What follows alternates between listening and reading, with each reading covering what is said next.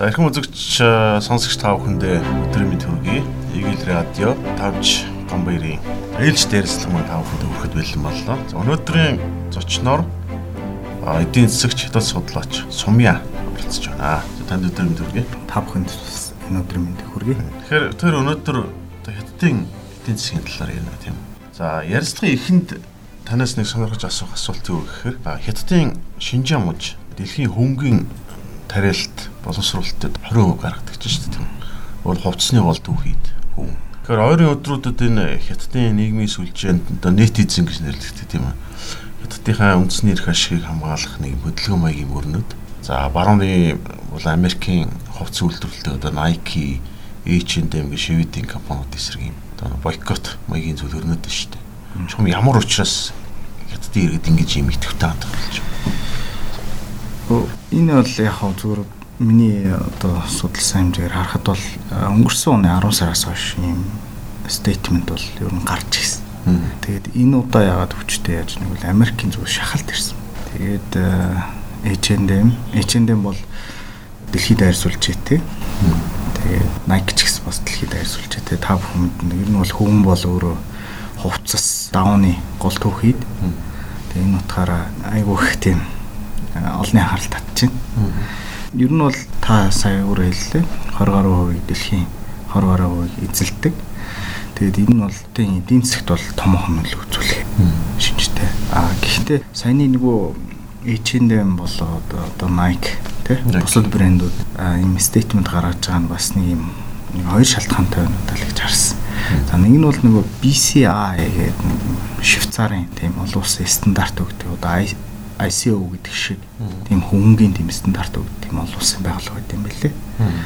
Аа тэрний зүгээс ингээд шахалт ирсэн юм. Аа тэрний гэхдээ гол ивент итгэх чинь USAID билүү. USAID гэдэг Америкийн хөгжлийн агентлаг арт талтай байдаг.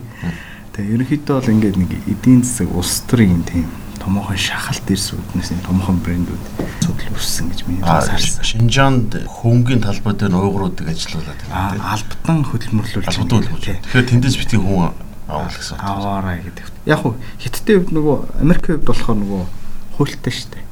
Америк чи өнгөрсөн 6 сард нөгөө Шинжааны эсрэг Шинжааны альва тийм албатан хөдөлмөрлүүлэх одоо хөдөлмөрийн лагерын эсрэг тийм нэрхийн холбогдлолтой тийм statement resolution гаргасан. Тогтоол гаргасан. Аа тэгээд энийг бас нөгөө конгресс хэрэгжүүлэх ёстой болдог.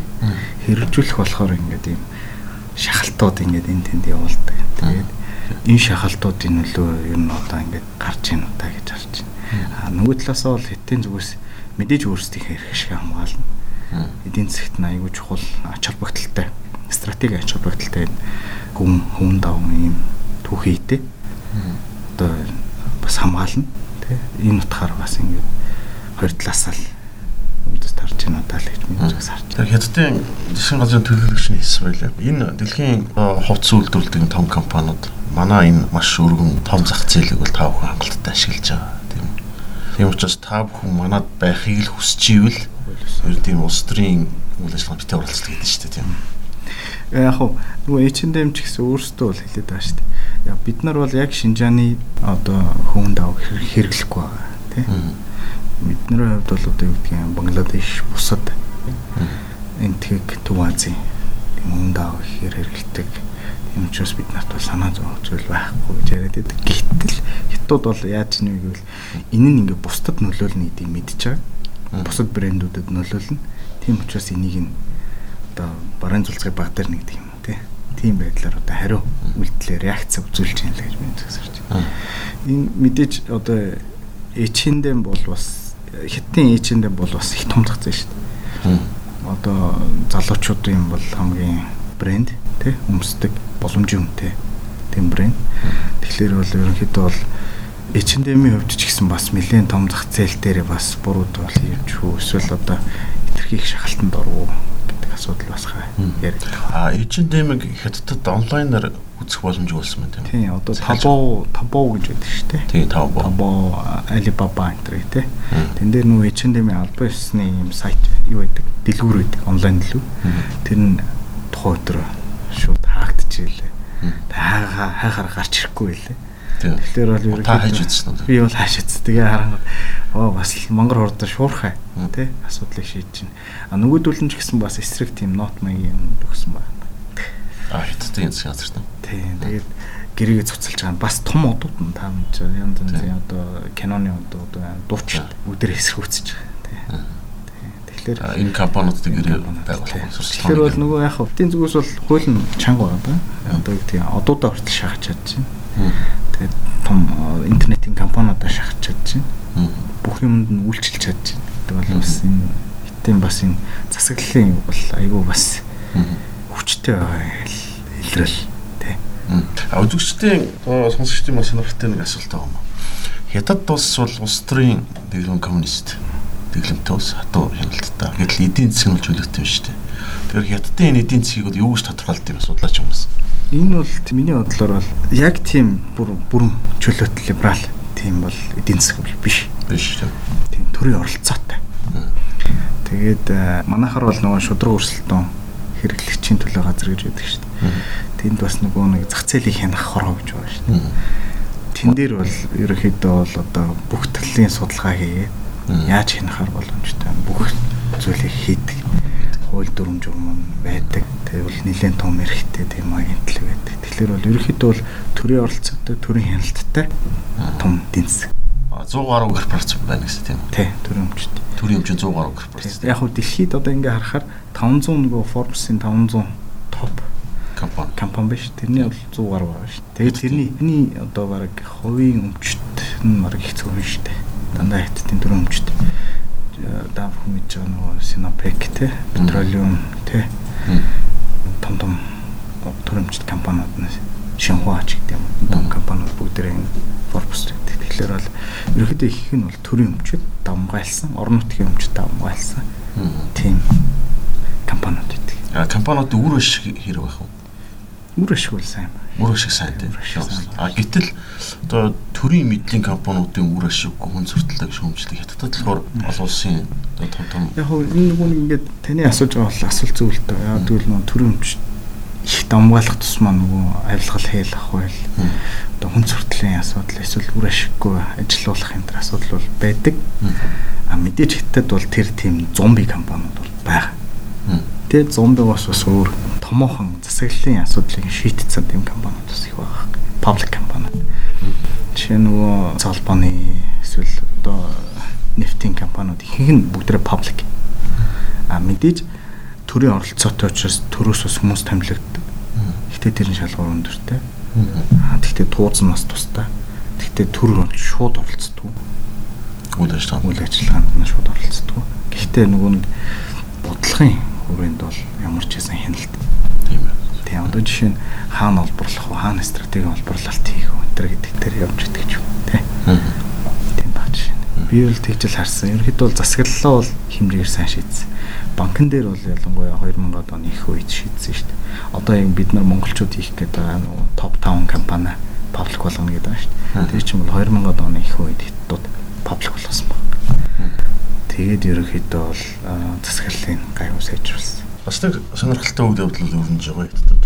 Тэр юу гэхээр Alibaba группийг үүсгэн байгуулад Jack Ma ер нь олонний өмнөд үзэгдэхэ байчихсан тийм 10 дугаар сараас хойш. Тухайд нь Ant Group гээд санхүүгийн компани IPO хувьцаа олон нийт сануулгах гэж гэтэл жимэг болсон. А өнгөрсөн 10 сараас хойш хоёр удаа илэрсэн юм. Нэг нь болохоор багш нарт зориулс нэг тэтгэлгийн хөтөлбөр гэдэг сайн дурын юмд орлох. Нөгөө нь болохоор хайнанд гольф тоглож байгаа. Хоёр удаа шүү дээ. Тэгээ энтэй холбоотой яг би голцоо баруун лиг сурулж ашиглаж байгаа л да. BBC CNN-д Джек Ма яга сургуу болчихоо гэдэг. Тэгээ тэр дээр юу гэж тайлбарсан бэ гэхээр хятад улс хин хүчтэй гэдгийг харуулж байна гэж. Яг бол Джек Ма яг 10 дугаар сард санхүүгийн бизнесээр танилцуулахдаа хятадын банкны тогтолцоог шүүмжилсэн байна шүү дээ. Энэ юу ламбардны сэтгүүт ингэж болохгүй гэдэг.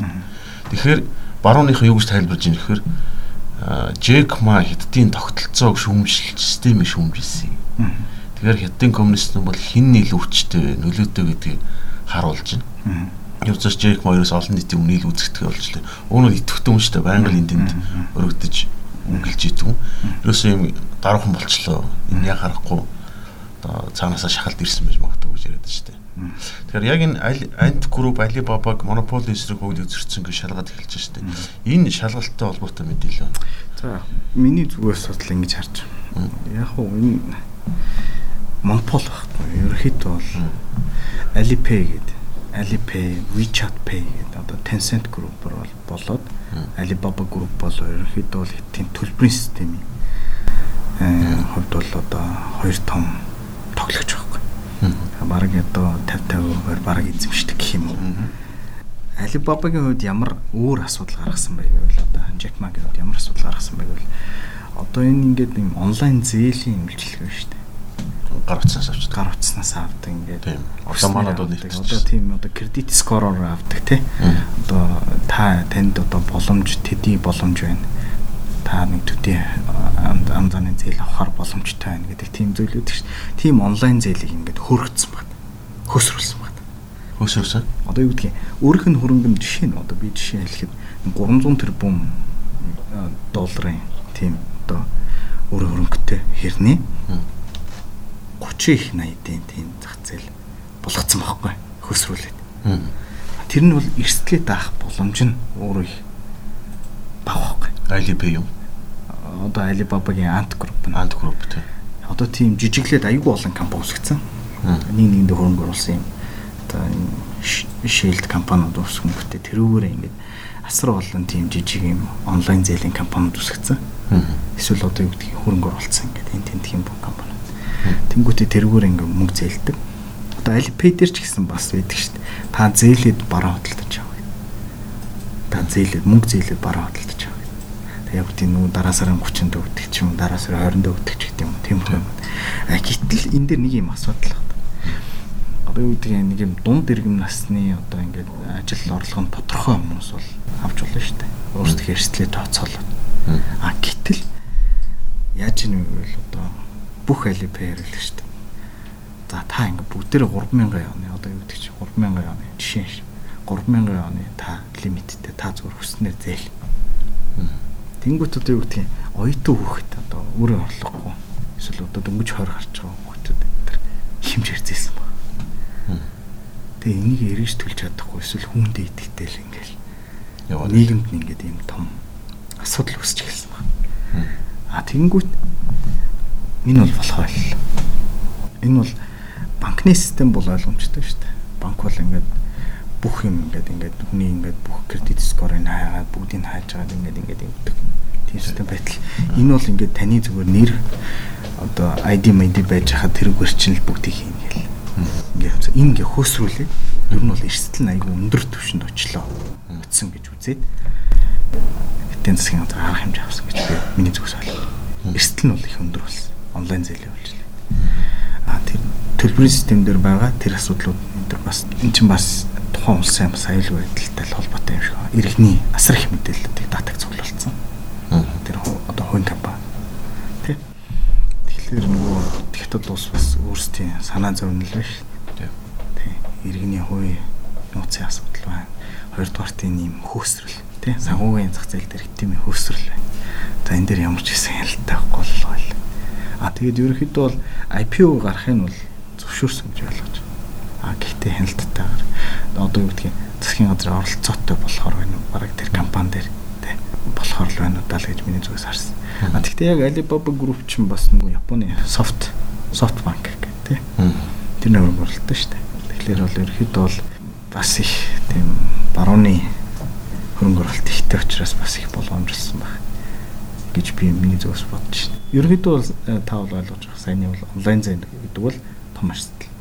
Монголд ч гэсэн одоо ингээд миний зүгээр миний хувийн бодол шүү энэ бол яг асар их одоо ингэ аппликейшн төслөө шүү дээ. Бог янз янзын нэртэй. Тэгэл ингээл ингээл онлайн зээлэг бол тэгэл та зүгээр юу ч бодлого зээлээ гэл. Тэр бол эн чинь би бол бас их том эрсдэл юм болол гэж боддог байна шүү дээ. Тэгээ та тэр гэрээг яг уншсан уу гэдэг юм. Би энэ залуу хүмүүсд яадаг бол гэдгийгс би бас мэддэг. Тэгээд бол тэр гэрээний дотор янз янзын юм байгаа хэл гэж боддог шүү дээ. Тэ. Ерөнхийдөө бол хятад бол энэ бүүн болоод одоо ингээд ерөнхийдөө хятад хяналтаа хийж яана л гэж. Энэ бол ганцхан тэр одоо юу гэдэг нь Jackma Jackma-гийн асуудал биш болж байгаа. Тэр тухайн улсын санхүүгийн систем дээр ингээд хүүхд харах төвшрөнгөө очиж байгаа. Тэгжил одоо миний энэ бол миний судалгааны үднээс харсан үнцэг. Яг бол олон нийтийн үднээс бол Jack Ma гэж яриад байгаа тий. Jack Ma яг юу үсгсэн бэ гэдэг ясаа ярихгүй. Ямар бабл байна гэдэг ярихгүй. Тэгээ тий. Тэр одоо Ant Group тэр Alipay бол бараг 800 сая хэрэглэгчтэй тийм шүү дээ. Хэрэглэгчтэй тийм. Тэгэхээр ч бараг эдийн хүн ам бараг 70 80 70 80% хэрэглэгч болсон байгаа. Тэгэхээр эн чинь өөрөөр хэлбэл тэр 800 сая хэрэглэгчээс хэдэн хувь нь зээлээ төлж чадахгүй хэмжээд хүрэх юм өөрөө нийгмийн асуудал шүү дээ. Нийгмийн асуудал.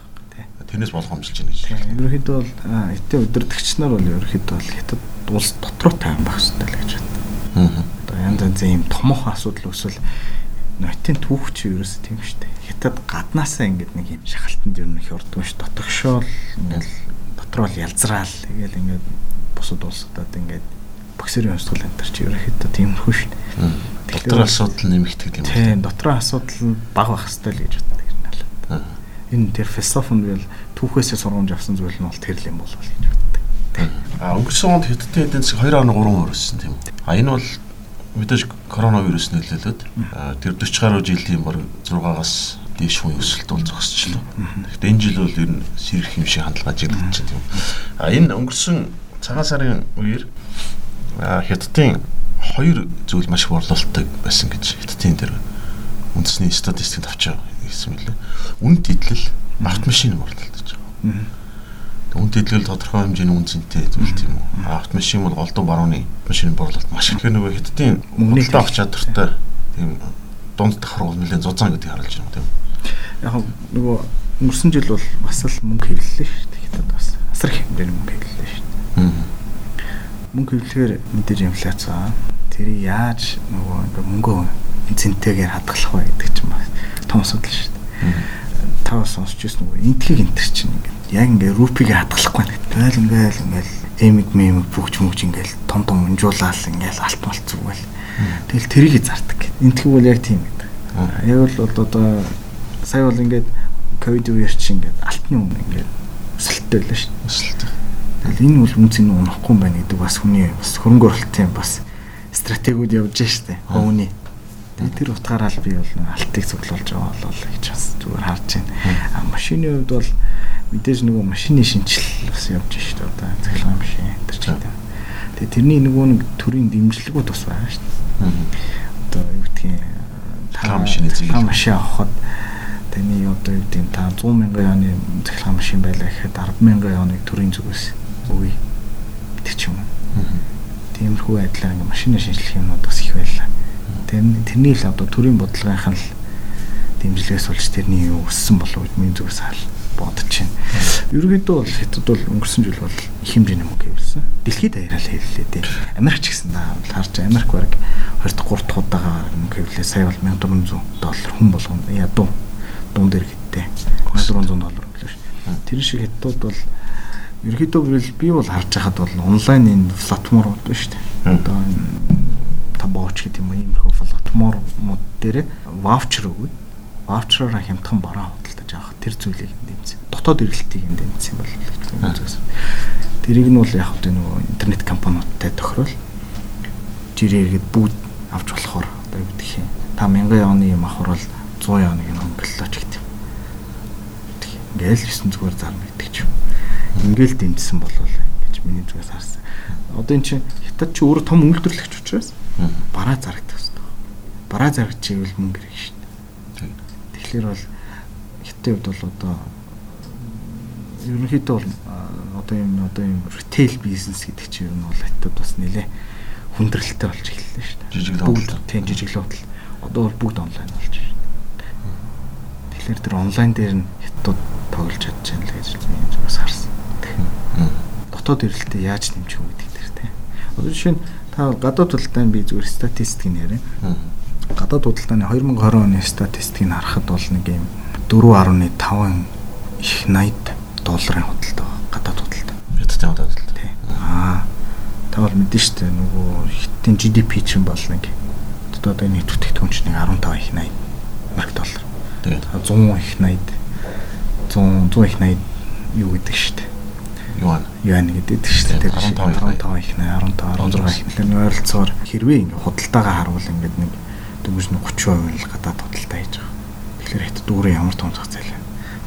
Өөрсдийн дотоодын эрэлтэд дэмжвэл хятад бол бас л асуудал юм байна л гэдэг л асуудал бас байна. А хятадын засгийн газар энэ манай эдийн засгийн 50 орчим хувь нь дотоодын хэрэглээ гэж хэлдэг нь үнэн үү?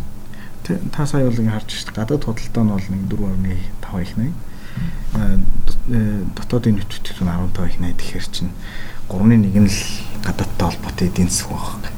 Үлдсэн нь бол ингээл өөрсдийн дотоодын эдийн засаг хэвтрэл байна. А ковидын цар тахлын үеэр нэг зүйл тодорхой болсон юу? Бус бол дэлхийн хамгийн том аж үйлдвэрийн бас нэг нь болсон байна тийм. Зөвхөн эрүүл мэндийн салбарын тоног төхөөрөмж хэрэгслэхэд л бараг 70% нийтэд бас нийлүүлж шүү дээ тийм. Тэгэхээр ер нь ерөөсө бүхэл салбарт янз бүрийн бүтээгдэхүүн үйлдвэрлэж чадчихээн тийм. Юу хятадын одоо нийтийн засгийн онцлог ба шүү дээ. Одоо та судлаачны үед бол хятадын нийт эдийн засгийн нэг юм хувьчлаад танилцуулаач. Одоо хэдэн хувь нь аж үйлдвэр, хэдэн хувь нь уурхаач гэдэг юм уу тийм. Яг хөө би бол ингээд сүүлийн үед ингээд зөв трендийг ажиглаж байна. Одоо 1 2 3 дугаар эдийн засаг гэдэг нэгдүгээр нь болохоор түүх хийдэг үйлдвэрлэл ярьж. Хоёр дахь нь бол аж үйлдвэр, гурав дахь нь бол үйлчлэгийн эдийн засаг. Тэ. Монголд ч бас ерөнхийдөө дэлхийд даяар тэгж ангилдаг шүү. Тэгээ яг хуу хятадын хувьд одоо яаж вэ гэвэл одоо түүхийд боловсруулах тэр эхний эхний хэсэг бол нэг ойролцоогоор нэг эдийн засгийнхаа нэг 15-аас 20% бол 15-аас 20. Аа 20-с 30% нь. Аа 30. За 20-с 40%. За би бас багцаа юу яаж чадахгүй. 20-с 40% нь бол одоо боловсруулах үйлдвэрлэл. Банкын үйлдвэрлэл ч гэдэм үү. Зэс сайлуулах үйлдвэрлэл ч гэдэм үү. Ерөнхийдөө бол кокс ч үйлдвэрлэл ч гэдэм үү. Дандаа юм боловсруулах үйлдвэрлэл нь химийн үйлдвэрлэл энэ төр нь 20-с 40%. За үлдсэн. Үйлчлэгээний дэсгэлж. Одоо ер нь бол хятад аж үйлдвэржих нь сонирхол нь одоо буурч нэсэх. Аж үйлдвэр хандлага хандлага. Ерөнхийдөө бол нөгөө нөгөө хөгжлийн нэг юм цикл шүү дээ. Хөгжлийн циклийг харахаар ерөнхийдөө тийм юм билээ шүү дээ. Эхлээл ингээл түүхийд усралж явж ачаал. За ингээд арай нэмэрдэг шингээ аж үйлдвэржүүл. За аж үйлдвэржүүлснэ эн чинь пөө чи ямар их бохирдолтой юм бэ? Ямар хэцүү юм бэ? Боливол ийм их ажлын байр хүн амьтныг тэжээж чадахгүй. Боливол арай хөнгөн юм хий үйлдвэрлэе. Өө үйлчлэгийн нэг гэсэн гэж. Тош буудалж гэдэг юм уу? Бусралж гэдэг юм уу? Тэ. Яг л одоо хятадын тренд бол ерөөхдөө бол тэр яг л тэр хөгжлийн тренд дээр л явж. Одоо одоо юу гэдэг 10 жилийн өмнө 15 жилийн өмнө бол боловсруулах үйлдвэрлэл нь одоо бараг 60 70 энэ байсан бол тэр нь багасаал одоо ингээ үйлшин эдийн засаг гэж байгаа. Тэгэл хятад одоо ингээл хятадын маягтайг глобализм гээл одоо юу гэдэг хятад ирж сураарай гээл боловсруулалтын эдийн засаг хайраа эсвэл хятад аялаарай гээл. Ерөөсөө л ингээл тэр хандлага руу явж байгаа байхгүй. Америк ч бас яг тийм шүү дээ. Таач бас юм чинь Америк бол бас л эхлээл ингээл түүхий усруулал ажилтар чичээснаа л тэгснэл нэг битсч боловсруулалтын эдийн засаг болсон байгаа шүү дээ. Пүү Америкт бүгдээрээ л хүүхдээ сургадаг болоод эсвэл Америкт бүгдээрээ л очиж аялдаг болоод тий. Яг л тэр стил. Ангилж бас яг тий. Ерөөсөө яг л тэр циклэл дагаж явж байгаа тренд нь бол. А харин хятад тэрийг хятадын онцлогийн хувьд бол би зүгээр нэг л онцлог байгаа гэж хардаг. 1.2 тэрбум хүн. Энийг чинь бүгдийн ажилтаа амьдралтай байлгаханд бол бас энэ ажилтур байхгүй бол. Ажилтур хэлбэр тий. Тэгээд ингээд энэ үйлдвэрлэлүүд чинь ингээд хэдий бохирдолтой, хэдий асуудалтай, хэдий ингээд өртгөн өсөд байгаа ч гэсэн ингээд тагтгаал гэж миний зүгээс харж. Яг хуу хятад бол энэ асуудлыг шийднэ. Аа тэр нь гэхдээ яваа явандаа шийдэх. Одоо юу гэдгийг зарим үйлдвэрлэлүүдээ Африк руу явуулдаг ч гэдэг, Латин Америк руу явуулж гэдэг. Зарим нь ингээд ASEAN руу одоо зүүн Даад руу явуулж гэдэг. Гэхдээ л нөгөө яг ингээд сайн ингээ харж штэ ингээ supply chain одоо тий. үйлдвэрлэлийн хэлхээ. Хэлхээ ингээ хитрхи ингээ гадагшаа шилжчихээр тэд нар чи ингээ буцаад тэр улстай ирдгүм биш штэ. Одоо Америк дээр бол бүр тэр зовлон бол яг харагдлаа штэ. Америк маск чадахгүй байна гэдэг штэ. Маска үйлдвэрлэж чадахгүй байна гэдэг штэ. Америк ингээ гол ингээд стратегийн салбаруудаа ингээд өөртөө аваад үлдсэн. Тэгээ энэ нэх технологи шаардахгүй дээ гээл ингээд хэзээ юмнууд ингээд бүгд ингээ гадагш явцсан. Тэгээ тэр үйлдвэрлэл нь яг хэрэгтэй болох үед ингээд үрсдэ харж штэ. Тийм тиймэрхүү тиймэрхүү өндөрлөлүүд бас ингээд яг ингээд supply chain дээр бас ингээд асуудлууд байд юм. Яг энгийн өдөр тутмын зүйлээ бол хийхээ байцсан шүү дээ. Одоо Америк бол хувцсны үйлдвэр хай технологийн бүх юм нь Аз руу шилжчихсэн тийм. Өндөр технологич болохоор яг үний өдөр тутмын хэрэгцээ биш үү? Тэгэхээр яг таны хэлсэн чинь ковид юу амны хаалт. Тийм. Тэгэл ойр зүрийн юм чинь бүх юм нь хятадаас зах зээлээс хамарч шүү дээ тийм. Бүх хэд нь хүртэл тийм. Яг л ингээд хятад бол яг энийг бол мэдэрсэн. Энийг бол бидний давуу тал гэж ойлгодог. А одоо энийг илүү тийм өндөр юм марж хай хай технологи тал руугаа шилжүүлэх санаатай шүү дээ. Та мэдж одоо ягаад Huawei яриад байгаа, ягаад 5G яриад байгаа, ягаад 6G яриад байгаа тийм. Чи марж өндөртэй байхгүй тий? Ашиг өндөртэй. Бизнес руу ормоор шүү дээ. Дандаа л ингээд хүний ингээд ажил хийгээд байхгүй. Тийм санаатай тий. Тэр нь бол зүгээр хэдүүлээ ингээд логкоор энгийн логкоор яриад л юм. Маш өндөр тий. Гарцтай ашигтай тийм салбарууд руу орж байна тийм. Орж байна. Тэгээ бас тэгээ бас нэг хитэн онцлог би сайн 1.2 төр энэ хүмүүсийн ч бүгдийн хоолтой унттай ажил төрөлтөй байханд бол энэ үйлдвэрлэл байх хэрэгтэй. Гэтэл бас тийм амархан энэ бүгдээс салахгүй байна. А тэгээд дэлхийд ч гэсэн хэрэгцээ байна. Хэрэгцээ тий. Яг бол хятадаас бүх юм хамарч байгаа шүү дээ. А энэ ер нь Америк нэгдсэн улсын хятадын хоорондын сөргөлтөн ер нь үеийн үед л тийм байсан тийм. Гэхдээ энэ Байдны засгийн газар гарч ирээд бол бас нэлээд шахах Ер нь бол хятадын нөлөөг бид бол ингээд хараад сууж болохгүй л гэсэн зүйл ярьж шүү дээ. Энэ энэ Америк нэгдсэн улс хятадын хоорондын харилцаанд яаж нөлөөлөх Та яг нөгөө нэг 1972 онд Ричард Никсон те Америк хятад айлчлаад ерөөхдөө бол дууч гэсэн уриалах юм байж ингээд асуудлаа шийдсэн дээ. Дэлхийн 3 том гурвалжин гэж бодвол Совет Америк хятад гэх. Хятадыг өөртөө татаад хятад Америк хоёр нэг нэгнийхээ интерестэй ашиг сонирхлоо зүрх салбицаад гар барьсан ш. Тэгээ энэ бол томхон шийдэл байсан баг. Тухайн үед бол өрсөлдөөн болоод хамтын ажиллагаа гэдэг нэг хоёр юмар ингээд харьцуулж харвал 100 байлаа гэж харвал хамтын ажиллагаанд тухайн үед нэг 80% тай өрсөлдөөн 20% байсан. За одоо ямар төвшин 40 жилийн дараа ингээд 70 оноос хойш 40 жилийн дараа ингээ эргээ харахад Америкууд айгүй олон давуу тал адвантаж зүйлүүдээ аваар алдсан байна. Тэнгүүт Америкийн одоо элитийн төвшөнд ч гэдэг юм уу. Одоо Америкийн сэхэтнүүдийн төвшөнд бол өөр яриа гарч ирж байгаа. За бид ингээ дэлхийд лидер хийх энэ асуудал ч одоо юу юу болж байна. Бид ер нь цааш яах вэ те. Одоо энээс хойш яах вэ гэх асуудлаа яриад эхлэнгүүт нөгөө нэг ингээ харьцаа биш үү. Хамтын ажиллагаа болоод өрсөлдөөн харьцаа За ерөнхийдөө бол өрсөлдөөн 60% болон хамтын ажиллагаанд 40% болж байгаа. Ягаад гэвэл хятадас салж чадахгүй байна. Тийм нөө түрүүний өдөр тутмын худалдаагаа харахад л одоо ингээд салж чадахгүй байна. Одоо supply chain хятадтай хэтэрхийх бүх үйлдвэрлэлээ хэдийн ингээд дизайн, дээдлийн ингээд эрх мэдлүүдийг нь авсан ч гэсэн тэрийг үлдэрлэж байгаа байхгүй. Тэгээ тэр асуудлаас салж чадахгүй байна. Хоёрдугаарт өрсөлдөх юмнууд их болчихлоо. Одоо тэгэхэд одоо дээр үед бол одоо 1990-ад оны үед бол Путиндээ дуусаад ингээд яаж явах үед Америк бол баг 100 гаруй улсын 100 гаруй улсын number 1 худалдааны хамтрагч байлаа шүү. Тийм. Тэгсэн дахиад 20 жил өнгөрсөн чи Хятад 100 гаруй улсуудынх нь хамгийн том худалдааны хамтрагч болцсон байна. Энэ нөгөө нэг мөнгө олж явах хэвээр тэр зүйлүүд чинь өөр төвшөнд очичлаа л да. Тэнгүүт за одоо бид нар юу болж байна гэдэг асуудал гарч иж байгаа. Ерөнхийдөө бол дээр би бас өөртөө чи ярилцлага хийж явах үед бас ярьж лээс тээ. Одоо ингээ бодит эдийн засгийн хувьд ч гэсэн тий асуудлууд бас их байна. Америк бол ялчгүй өөрхөн давуу тал болох хэвээр.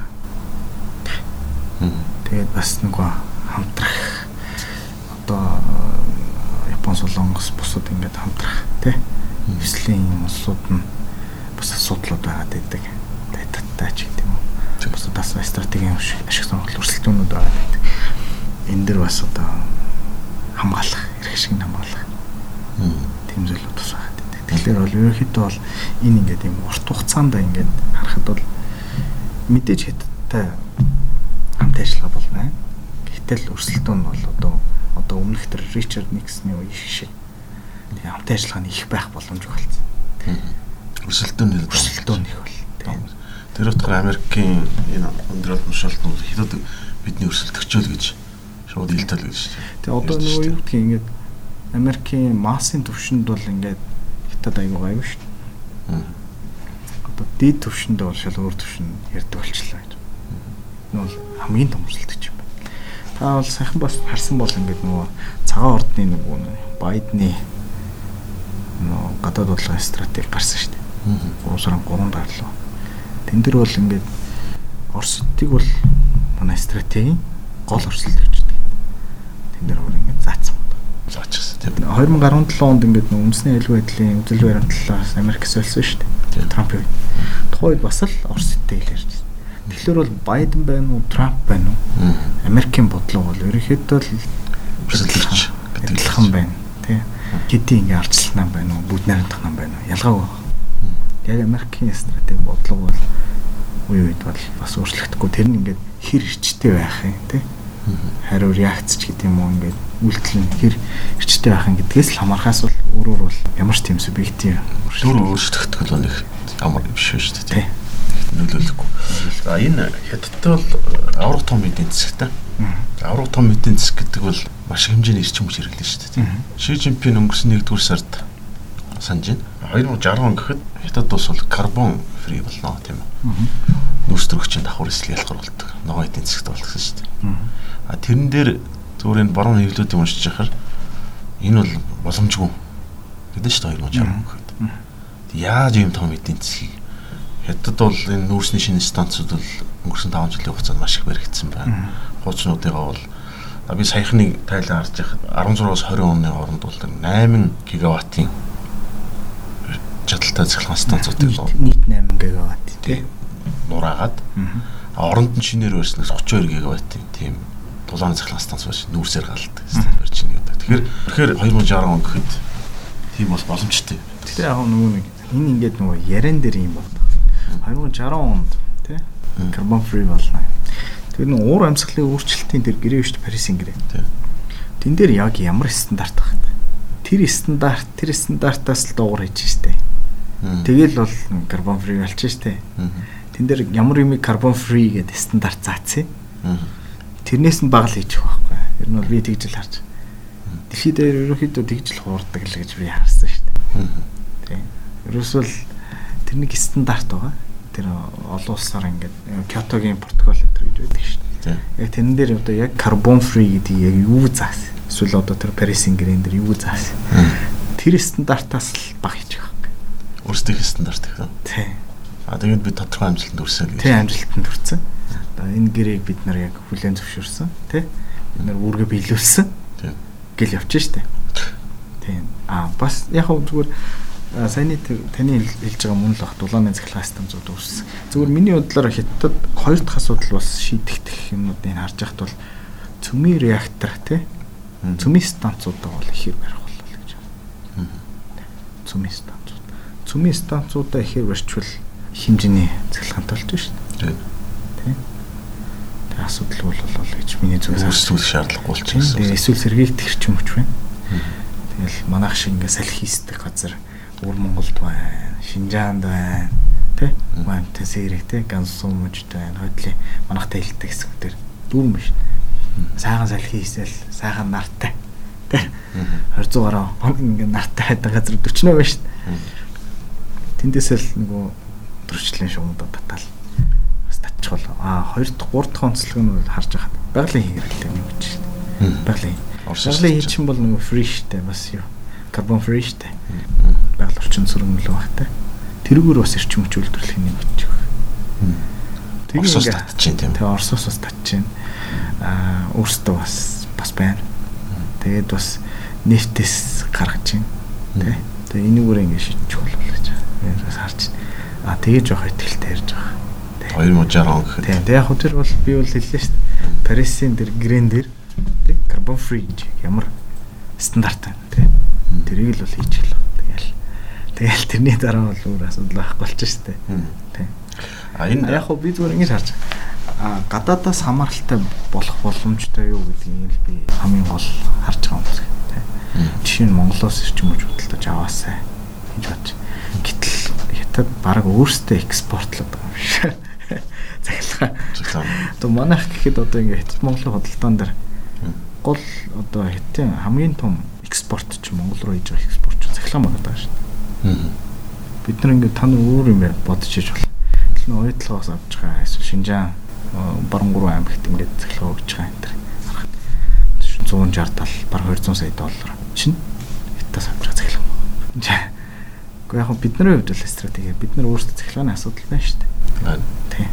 Одоо их хэмжээний ийм үйлдвэрлэлийн цахилгаан станц манад байна. Үйлдвэрлэлийн цахилгааны тийм боломж бас манад алга байна Эрдэнтийг хүртэл доктортой ажиллахын тулд бид нар Оросоос байна. Тэгэхээр энэ нэг юм манайх хэрвээ Монгол улс улс бол хэдүүлээ энэ хатагч хэрэгцээг шийдвэр байна. Ургааны цахилгаан станц том том төсөл яригддаг бол гацаачдаг тийм. Гэхдээ энэ энэ цахилгааныхаа асуудлаа өөрсдөө шийдэхгүй бол Монгол улс нэгдүгээрт өрсөлдөх чадвар мó цахилгаан хямдхан байж бид нар аж үйлдвэрлэл хөгжүүлээ шүү дээ. Ажилтаа орлоготой байлга. Цахилгаан байж одоо энэ том том үйлдвэрлэлүүдийг хөгжүүл тэрний дараа бид нар бүгдийг хийж болно шүү. Одоо ингээл бид нар ингээл баахан юм яригддаг. Хамгийн гол одоо одоо өртгийг нэмэгдүүлж байгаа зүйл бол миний бодлоор бол цахилгааны зүгээр бас дахиад миний зүгээр энэ миний хувийн л бодол шүү. Э, цахилгааныг бид нар яаж шийдэж болох? Одоо жишээ нь биткойн. Биткойн гэдгийг та хоёр нэг үгүй. Биткойн бол миний бодлоор дулааны эрчим, цахилгааны эрчимж хувраад тэгээд эдэн тоо болоод тэгээд ингээд дэлхийд дээрс ингээд сүлжээнд явж байгаа нь үзэл шүү дээ. Ингээд бид нар харахад бол өнгөрсөн оноос хойш ингээд 60 мянган доллар үрлээ шүү дээ. Биткойн. Хэрвээ бид ингээд биткойн фарм үйлдвэрлэе тийм үү? Тэр цахилгаарч мөчийг үйлдвэрлэе. Улаан одоо нүрсэрээ цахилгаанаараа хийгээд тэрийг ингээд тэрийг экспорт болгож ивэл бас мөнгө авах гэдэг. Миний бодлоо. Хэдий ингээд бид нар хятад ингээд цахилгааны шууд ингээд экспортлж чадахгүй байсан ч гэсэн тэрийг биткойн болгоод дараад ивэл бас болохоор. Тэгээд тэгж чадах юм. Тэгэхээр миний бодлоор бол чадахгүй л байгаа Таны хэлсэн чинь яг үнэн. Анхдагч хэрэгцээг арилгааны хангаж чадахгүй гэж. Тэгээд дарга нар нь болохоор энд тентгийн уур амьсгалын өөрчлөлт дэлхийн дулаар л орог нүүрсээ түлхэ болцоо гэж ярьдэн шүү дээ. Гэтэл яг яваа бодит нөхцөл нь юу гэхэр чинь Монгол улс жилийн мөр 9 сар нь маш хүйтэн сэрүүн асар их зардалтай л улс шүү дээ. Зардалтай улс тийм. Гэтэл дулгааны цахилгаан станц ийм том төслүүд ерөөс дэмждэг. Дандаа унцдаг тийм. Энэ бол ингээд Монгол улс хэрвээ энэ асуудлаа шийдэх хэрэгтэй л гэж миний зүгээс хардаг. Улс бол байгаа бол ийм баялагтай улс юм бол тий. Би бол ийм 3 сая хүн дэлхийд 19 дорох тийм том газар нутагтай Монгол ядуу улс биш байхгүй. Асар баян улс. Жон замбрааг баг. Замбрааг байлгадаг ч нөхцлүүд хүчин зүйлсүүд байна. Нэгэн тал одоо хүн төрөлхтөн хотчоод нэг дуруу ингээд бүгнэс суудаг улс учраас хотууд хэрэгтэй, цахилгаан станцууд хэрэгтэй байхгүй тийм. Инженер барих хэрэгтэй. Гэтэл уур амьсгалын өөрчлөлт ч юм уу хүндрэлтийн мөхөл зөвгнүүд янз бүр юм явж штэ. Энд дээр нэг тайлбар байгаа. Энэ бол хятад Оростой яг адилхан байхгүй. Хятад Орос бол хоёулаа нөөцтэй улс тийм үү. Австралид жишээ нь Австралийн засгийн газрууд юу гэж үзэж байна гэхээр бид яг дэлхийн дулаар л юм уу амьсгалын өөрчлөлт юм энэний үр нөлөөний талаар ярьж байна. Гэхдээ Жишээ нь Австралийн эрчим хүч хамгийн ядах юм. Өөрсдөө нүүрстэй маш сайн сүлж байна. Манай давуу тал бол эрчим хүч. Нийгэмд эрчим хүч тийм. А хэрвээ сэргээгт эрчим хүчгээд хүчээр тийм салбарууд болох юм бол Австрали бас өрсөлдөх чадваргүй болно гэж ирж байна тийм. А хятад Орсын хувьд яг адилхан шүү дээ. А Парисын нөгөө гэрээнд бол нэгдчихсэн. Оо бид нэр тав хүн тавтарч ажиллана гэсэн хүндрэлтний ирээдүйн. А тэгсэн ирнэ сэргийгт хэрчим өчрүүчэнд болгоомжтой орохгүй наа чи асар их одоо технологи үлдэн өгөө тийм. Одоо чи энд нэг ирэх чи хятад улс бол нарны автангараа дэлхийд хэрэгүүлдэг тийм. Үйлдвэрлэлээр. Үйлдвэрлэлээр тийм дэлхийд хэрэгүүлдэг. А салхины эрчим хүч ч гэсэн гарал хандлагдаг тийм. А гэхдээ л дулааны цахилгаан станц бариад байгаа байхгүй. Бариад. Шинээр. Тэгэхээр өөрөөр хэлбэл аль нь өнөөдөр үр ашигтай байна гэдэг чинь харуулж өгч болох шиг. Яг зүгээр манайх шийдэх гэл оролдоол байна л гэж харж байгаа тийм. Гэхдээ яг асуудлууд байна тий. Удаан байна тий. 2015 оны гэрээ үсттэй баг пресийн гэрээч. Тэгэхэд одоо бид нар 6 7 жил болж байна. 15 онд л бид нар 15 оноос өмнө л энэ цахилгаануудыг ярьдаг л тий. Цахилгаанаас шийдэх ёстой байдал ингээл удаалга. Ойдлоход зэр ойдлоо би сайн л шүү дээ. Хамгийн том 100 гаруй сая доллар ингээд байнга өгч байна Тэгээ бид нар ингээд одоо ойдлогоо өртөө болоод байна даа шүү. Чинь л ингээд өрөл нэмэгдээд байгаа шүү.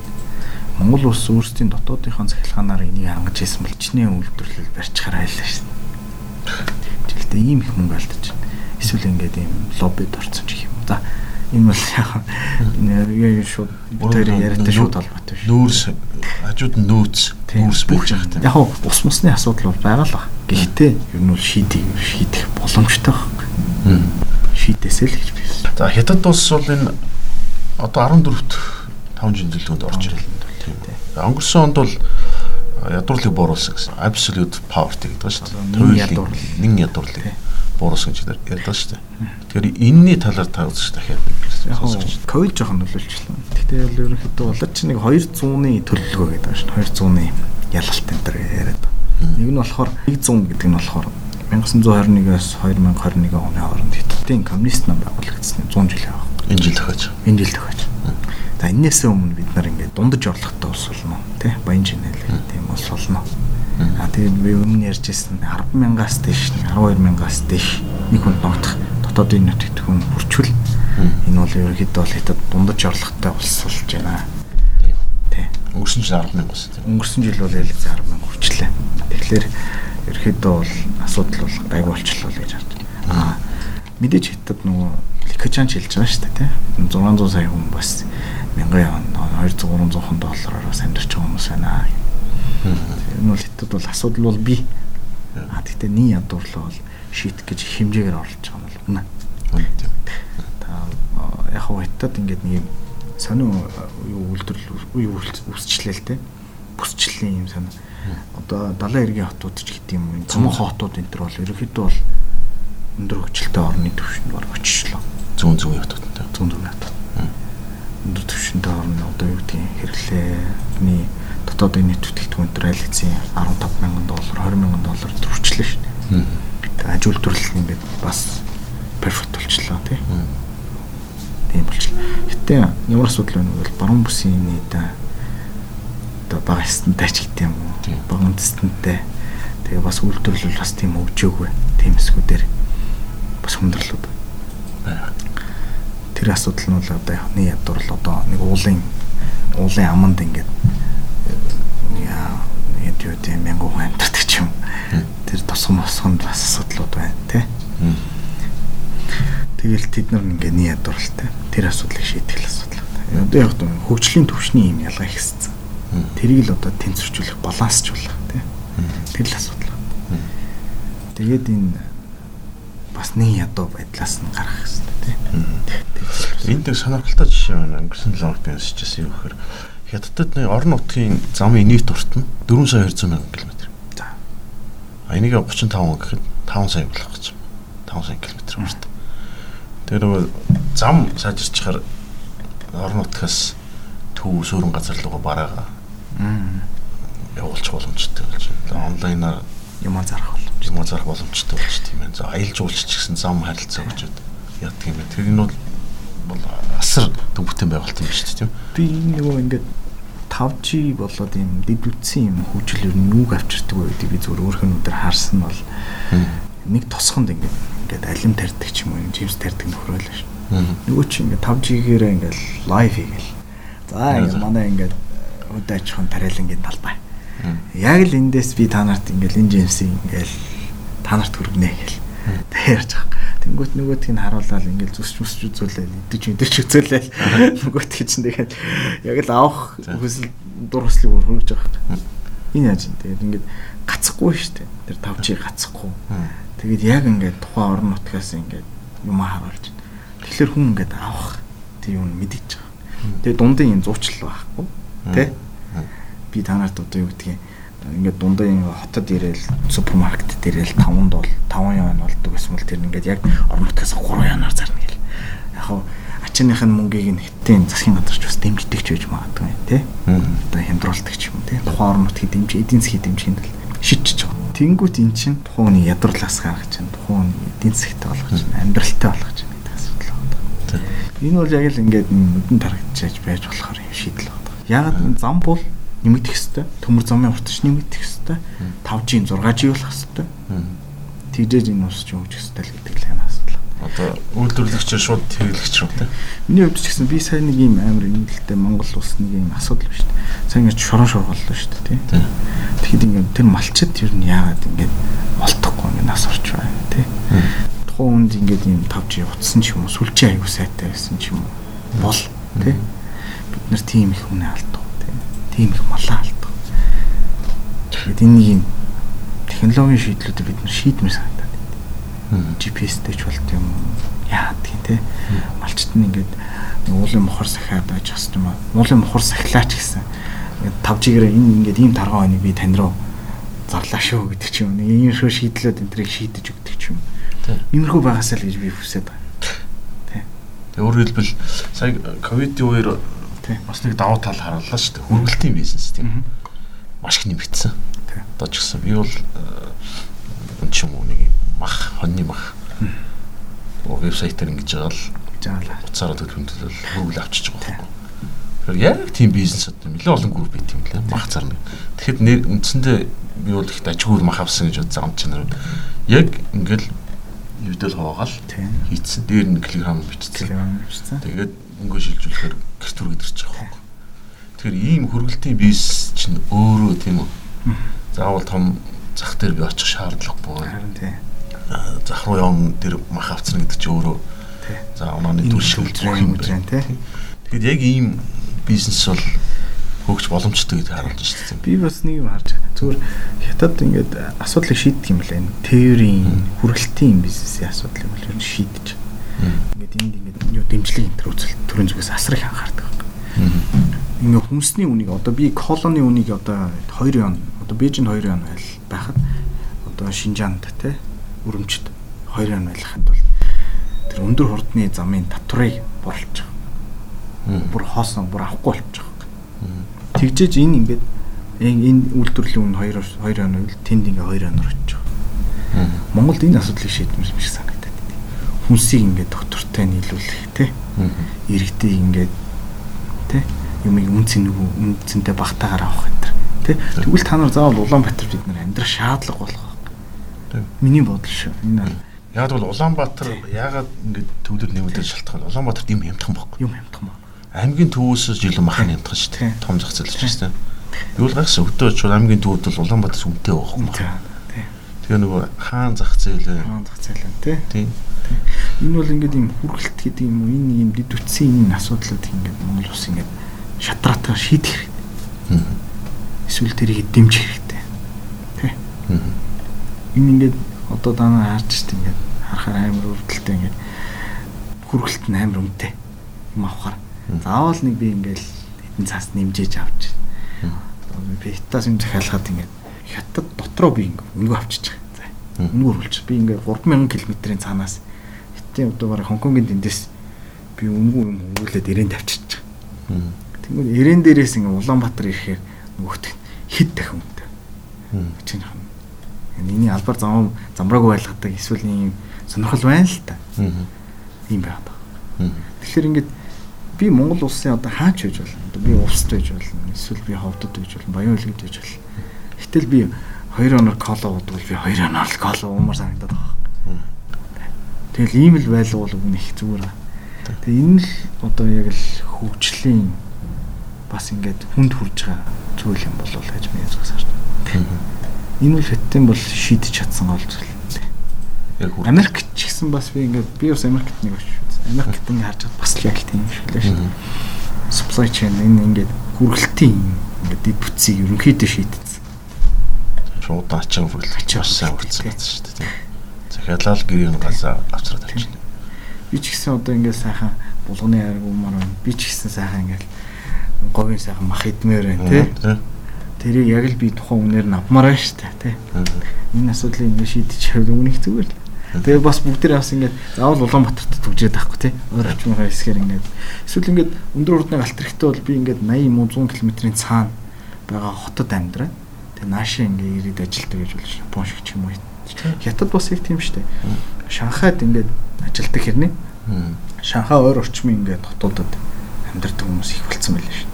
Бээжин ч гэсэн. Гэр нь тэнд. Тийм. Бээжин ч гэсэн Тэнжинд ингээм амьдардаг хэрнээ Бээжинд очиж ажилдаг. Өглөө өглөө 10 минут тутамд ингээл богоо явж идэг болсон. Тэгээ нөгөөх нь 20 минут дотор Бээжинд орчдөг ч юм. Тэгээ энэ энэ шийдлүүд айгүй чухал байна. Тэгээ заавал төвлөрсөн газар амьдрахгүй. Тийм. Монголын хувьд бол бас асуудал байдаг л. Би 3 3 сая хүнтэй бол ийм том газар нутагт бас шийдлүүд бас байна шүү дээ. Айгүй хүн зарж байгаа. Гэтэл энийг бас жоох зэгцэлмээр л юм дээ. За өнөөдрийн ярилцлагад маань оролцох сонирхолтой яруу өрнөсөн танд баярлалаа. За та бүхэнд бас урьсан их баярлалаа. Таны судалгааны ажилд амжилтсая. За их баярлалаа. Ярилцлагад маань хятад судлаач Сумья оролцлоо. За ингээд дараагийн ярилцлагаараа уулзъя.